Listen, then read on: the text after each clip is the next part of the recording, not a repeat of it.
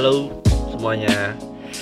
Eh ini hari apa nih? Jumat tanggal uh, 15 Mei 2020 jam 9 malam. Gua itu tiba-tiba kepikiran ya karena gue sedih kalau apa yang gue omongin ada hubungannya atau bahkan kejadian nanti lebih maksudnya gimana sih ngomongnya susah eh jadi uh, uh, kan kemarin di episode tentang krisis corona 2.0 gue ngomong tentang new normal atau kita menuju new normal atau kita hancur. Itu seakan-akan mulai rame nih sekarang karena entah kenapa tiba-tiba youtuber atau pemerintah bahkan uh, mereka tiba-tiba campaign dan menyuarakannya namanya new normal. Hmm, gue jadi kebayang ya zaman dulu orang kalau misal new normal kan zaman itu terbagi banyak ya. Ada era industrial era zaman purba era zaman es uh, era apa sih pencerahan. Ah, nggak tau lah gue. Pokoknya itu setiap fase itu ada perubahan kebiasaan atau yang disebut dengan new normal di setiap fase tadi. Nah kalau sekarang mungkin karena mulai sosmed dan orang-orang sudah pintar atau suka buat istilah sendiri biar kelihatan pintar gue nggak ngerti. Jadi ada istilah new normal atau bisa dibilang berubah dari suatu kebiasaan. Ngomong-ngomong tentang kebiasaan sebelum era industrial kan orang itu terbiasa tentang yang namanya uh, semua dilakukan manual atau menggunakan tangan. Kalau lu pernah lihat ya lu tahu nggak barista kopi? Barista kopi itu ada yang wave 1 wave 2 wave 3 dan seterusnya seakan-akan itu mereka itu menandakan adalah ya generasi yang ketinggalan zaman. Nggak ngerti ya. Suka ngomong gini nih. Aduh gue nggak suka lihat kopi saset karena kopi saset itu gak menikmati kopi. Jadi kayak gitu tuh kayak kopinya tuh nggak berasa. Karena kalau buat kopi itu harus dengan hati. Nah, ada ada Zainal sampai wave 5 itu. Ada. Jadi kayak mereka tuh merasa apa ya ngomong-ngomong filosofis mungkin mungkin ini gue nggak tahu ya. Ngomongin filosofis dan kawan-kawan mungkin supaya uh, profesi mereka itu tidak tergerus zaman. Atau bahkan ada juga di antara barista itu yang mulai terkotak-kotak. Ada yang ketika mereka sampai wave 5 yang ibaratnya semakin gede satu semakin tinggi levelan wave-nya gelombangnya itu mereka uh, semakin mendewakan tentang rasa kopi. Gue gak tahu lidahnya terbuat dari apa cuma katanya kopi itu beda rasanya. Kalau diginiin digituin suhu sekian suhu sekian tuh mereka bisa merasakan lidahnya gitu sampai ada kompetisinya kan. Buat gue mungkin mereka adalah salah satu orang yang tidak apa ya tidak terpengaruh atau tidak mau ikut zaman bukan tidak terpengaruh tidak mau ikut zaman lebih tepatnya. Karena kan logikanya lu pernah tahu kan ke Indomaret lihat ada mesin kopi dari jatut wet. Nah udah jadi kopinya. Nggak usah kayak harus ribet-ribet ngukur-ngukur. Ya gue sebagai orang awam maksudnya uh, produk tersebut atau kopi itu kan yang, yang sebenarnya menilai bermanfaat atau enak atau bagus atau gimana nya ya konsumer ya konsumen eh kok konsumer? Susah lo ya tahu konsumer. Konsumen yang menilai sebenarnya oh iya memang itu produk bagus atau enggak kenapa yang menilai yang bikin ya di mana-mana ketika orang jualan pasti ya lu pernah gak sih ketika jualan uh, kayak apa ya ah uh, mas ini kira-kira apa ya baju yang recommended? Nah itu lo pernah ini cewek-cewek pasti pernah nih ketika lo datang di sebuah butik atau toko baju lo tanya ke mbaknya mbak mana ya kira-kira yang recommended ini ini mbaknya juga kampret. Mbaknya juga anjing sih mbak yang jaga. Dia pasti akan nunjukin lo koleksi recommended yang jarang dibeli orang. Jarang dibeli orang bukan berarti murah atau barang lama. Cuman mungkin itu harganya kemahalan atau nilai bagusnya bukan kita yang menilai. Ada ada kayak gitu. Ya mereka adalah salah satu orang yang bisa dibilang eh uh, ya manusia-manusia kampret tadi yang yang selalu bilang dagangannya adalah bagus semua. Ya memang memang memang sales harus kayak gitu ya lebih tepatnya. Nggak mungkin dong masa iya sales bilang dagangan gue jelek. Jangan jangan jangan. Memang sales harus pede dengan dagangannya gitu. Nah ngomongin barista tadi itu sebenarnya masih banyak juga uh, beberapa orang di dunia atau manusia-manusia ini yang lebih memilih dengan era-era sebelum industrial atau era-era klasik atau bahkan uh, sesuatu barang kadang dinilai semakin handmade itu semakin mahal. Lu bisa cari di Google beberapa barang itu memang mahal. Kayak uh, bentuknya pasti aneh-aneh dan lu lu tahu kok itu. Itu kayak aduh kok gitu sih? Iu gitu loh. Maksudnya gue yakin barang-barang ini saking mahalnya makanya nggak laku ya ada yang beli mungkin gue juga nggak tahu. Yang beli mungkin ya penjualnya sendiri mungkin karena nggak laku. Gue tuh karena gini ya hmm, uh, kayak misalkan rokok nih. Rokok lintingan tuh lebih enak daripada rokok buatan pabrik rokok buatan mesin. Lah gimana? Ya gue sama ini ngerokok buatan uh, mesin juga ya kan sebenarnya rokok-rokok yang dijual di Indomaret itu rokok buatan pabrik bukan rokok yang apa ya yang common gitu loh. Eh bukan rokok yang jarang kok rokok yang common lagi. Rokok yang jarang. Ya kenapa kok sampai pada akhirnya? Kayak gitu. Bahkan ini ini ini apa ya barang-barang ini ini gue pernah lihat ada barang-barang ini gue googlingnya barusan. Ada barang-barang yang memang terkenal handmade itu minimal harganya adalah 43.000 US dollar. 43.000 US dollar. 43.000 itu sama dengan sekitar 500 juta rupiah, sekitar lebih lah lebih. Uh, ya 600 lah 600 jutaan. Dan ya kalau barang-barang itu memang bagus, enggak juga biasa. Ya kayak misalkan contoh gini nih.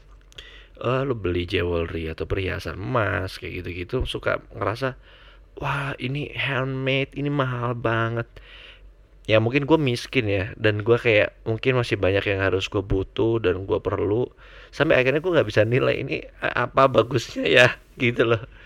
Dan mungkin mungkin mereka terlalu kaya uh, jadi apa yang gue butuh mereka sudah punya yang semua semua buatan mesin mereka mungkin mereka udah puas gitu loh.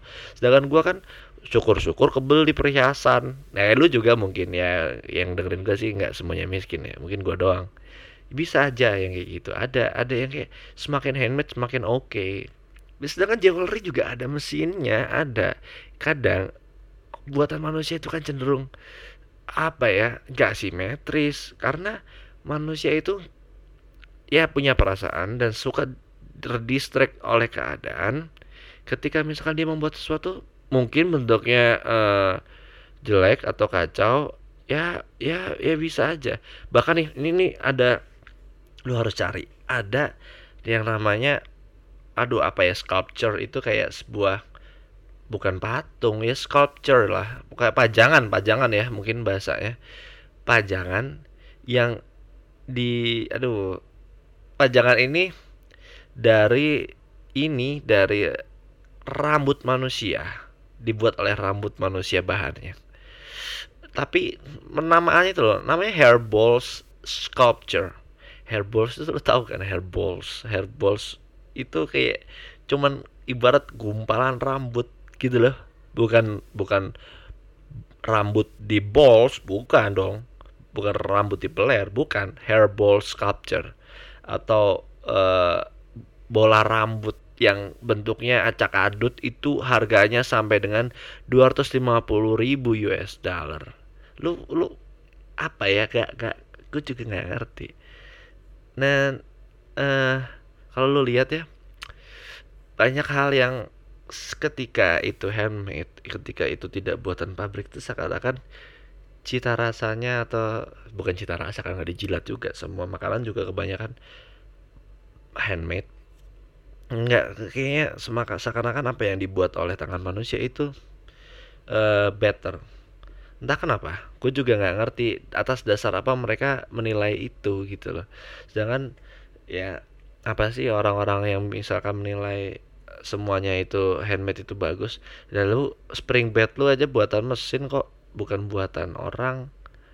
Ya orang yang mengoperasikan memang cuman tapi kan itu sepenuhnya detailnya itu yang ngerjain oleh mesin. Bahkan ada mesin yang untuk quality control kok control lagi control quality control bahkan ada apa ya ini aduh ini nih lucu nih. Jadi ada barang kedua termahal di di dunia mungkin namanya Pyramid of 38 five balls. Jadi piramid yang dibuat oleh 305 eh 385 bola steel atau bola besi dibuat uh, menjadi bentuk piramid.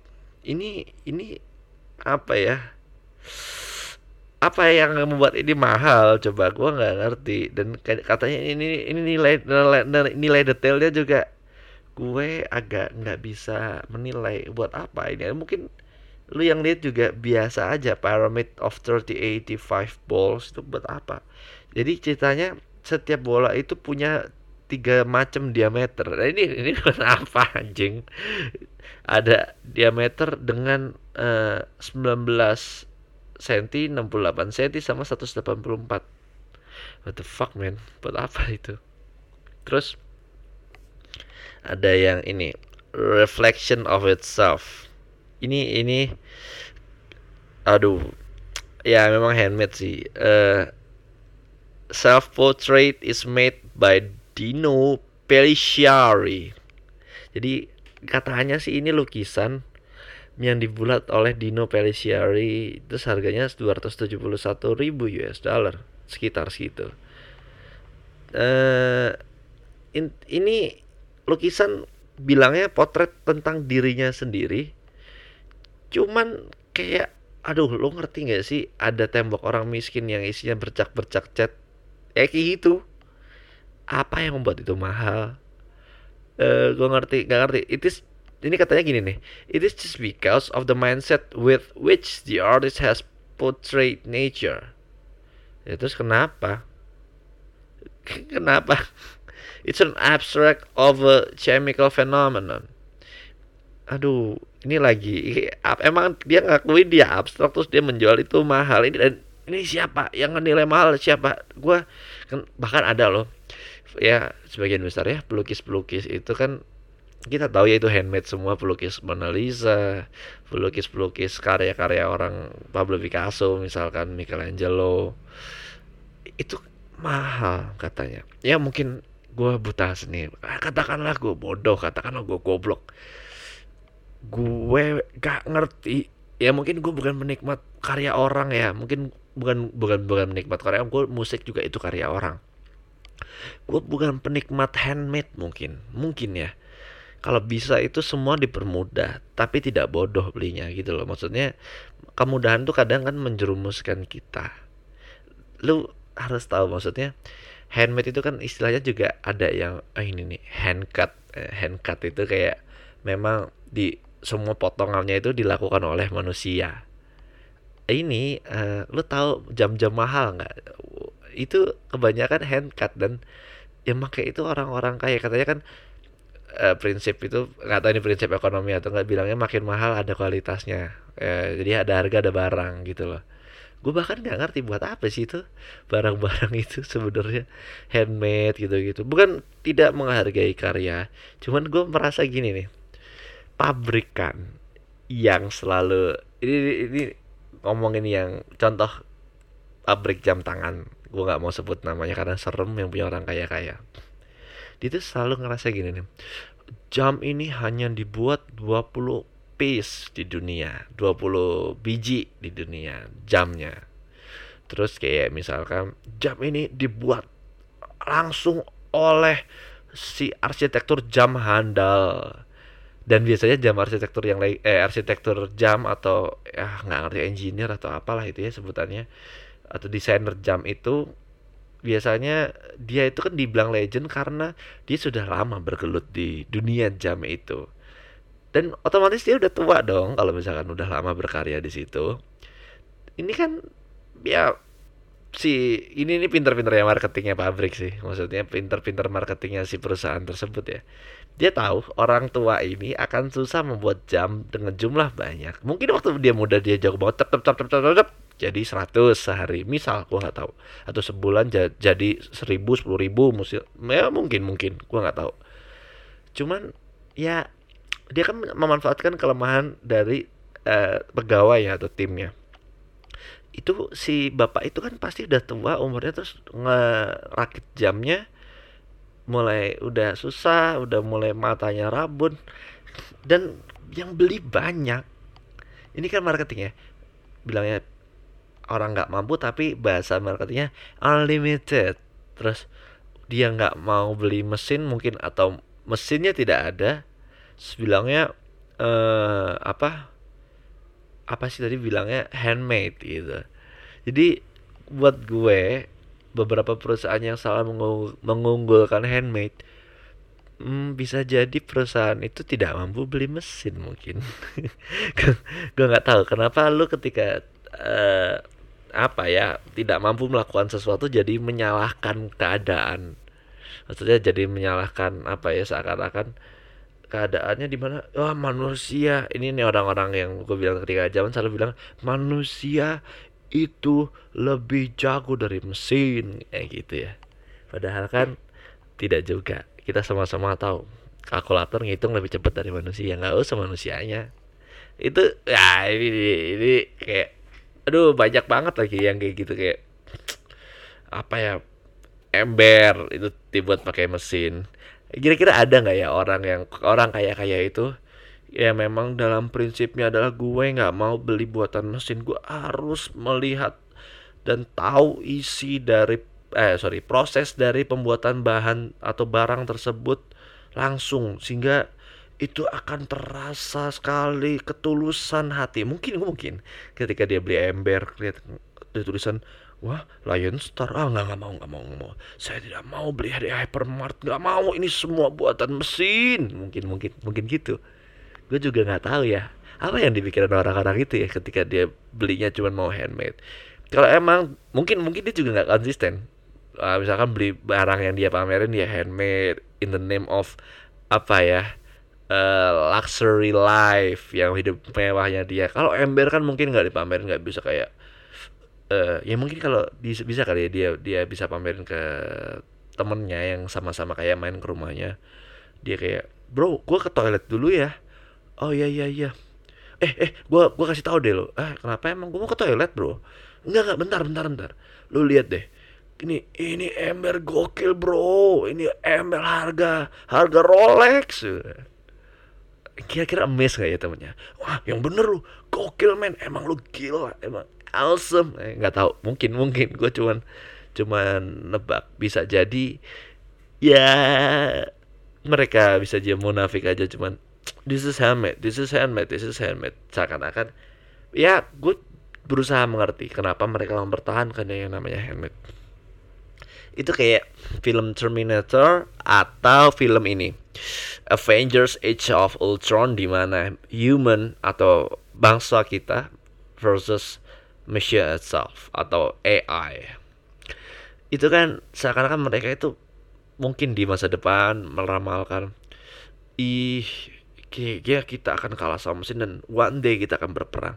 Sama halnya kayak lihat film-film Planet of the Apes kita akan melawan monyet guys kita akan melawan monyet.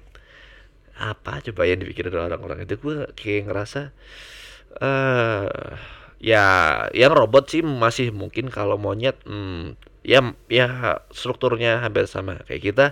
Cuman gue dari kecil ngelihat di kebun binatang monyet itu juga tetap nggak pakai baju atau masih manjat-manjat pohon makan pisang yang dilempar orang.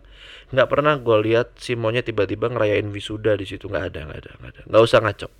Tidak tidak tidak sejauh itu berpikirnya. Nah buat gue orang-orang ini adalah yang handmade handmade ya contoh gue sekali lagi tidak melecehkan ya. Cuman ada yang uh, apa pengusaha furniture yang akan banyak pegawainya karena benar-benar dibuat digergaji satu-satu. Ya itu kan karena mereka di sisi lain apa ya nggak punya uang buat beli mesin pembuatnya yang sudah ini ini juga bahayanya ketika ada 3D printer kali ya ketika 3D printer itu tiba-tiba sudah bisa mengcreate atau dengan bahan yang persis dengan kayu seindah kayu ini pengusaha mebel itu gimana kabarnya ya kalau misalkan ada kayak gitu. Jadi sekarang kan belum ada 3D printer, printer yang memang bisa ngeprint persis jadi kayak bahannya kayu gitu nggak ada. Cuman orang-orang yang kayak contoh di Jepara gitu, gue yakin sih sebenarnya udah ada mesinnya. Itu buktinya IKEA itu kan mesin semua. nggak ada kayak ah kalau pernah nggak sih gue nggak tahu lu pernah apa nggak cuman pernah nggak sih googling kita cari yuk pengusaha mebelnya IKEA kayaknya enggak deh ah mungkin ada. Cuman itu ketika masuk di Indonesia kayak TKDN ya tingkat uh, bahan baku kita yang minimal 30% oh bisa pakai kayu luar negeri asalkan pegawainya Indonesia. Itu kan yang terjadi sama iPhone yang tiba-tiba bisa masuk yang awalnya tidak bisa iPhone 7 itu kan gitu kejadiannya. Karena lihat ya Apple syaratnya membuat usaha Indonesia baru saya bolehin untuk berdagang di sini. Ya sama halnya kayak misalkan uh, IKEA tadi. Ya kenapa sih? Ya gini loh kita tanpa harus membanggakan yang namanya handmade ya kita juga tahu kalau misalkan dari pegawai-pegawai tersebut kelasnya pasti kebanyakan UMKM gitu-gitu. Bukan bukan eh, pedagang gede. Kalau misalkan pedagang gede dia masih pakai handmade yang gue permasalahkan satu sih. Mungkin pedagang itu memang terlahir gede gue nggak tahu duit dari siapa atau mungkin dia ngerintis dari kecil cuman dia nggak mau cuannya kurang. Jadi dia ngasih tenaga tenaga buruh kasar itu. Dan dia tidak apa ya tidak ngasih coaching atau development buat mereka kan harusnya kalau pengusahanya bertumbuh harusnya karyawannya ikut bertumbuh ya kayak gue yakin deh mereka itu yang yang jadi uh, pengusaha atau pengrajin eh pengusaha lagi pengrajin kayu mungkin dia masih miskin meskipun bosnya sudah bisa foto di Dubai, bisa umroh berkali-kali, bisa jalan-jalan di salju. Tapi gue yakin kayak pengrajin kayunya juga masih banyak yang susah deh.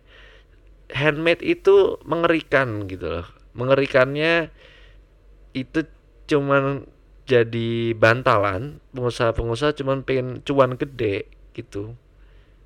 Nggak nggak ini nggak mau pakai mesin. Karena kan gini bukan berarti nggak mau cuan gede ya. Karena juga bisa jadi ketika beli mesin itu kan langsung mak brek gede gitu kan harganya. Harganya gede harganya langsung oh beli mesin harganya berapa? Iya ini harganya murah kok cuma 100 miliar.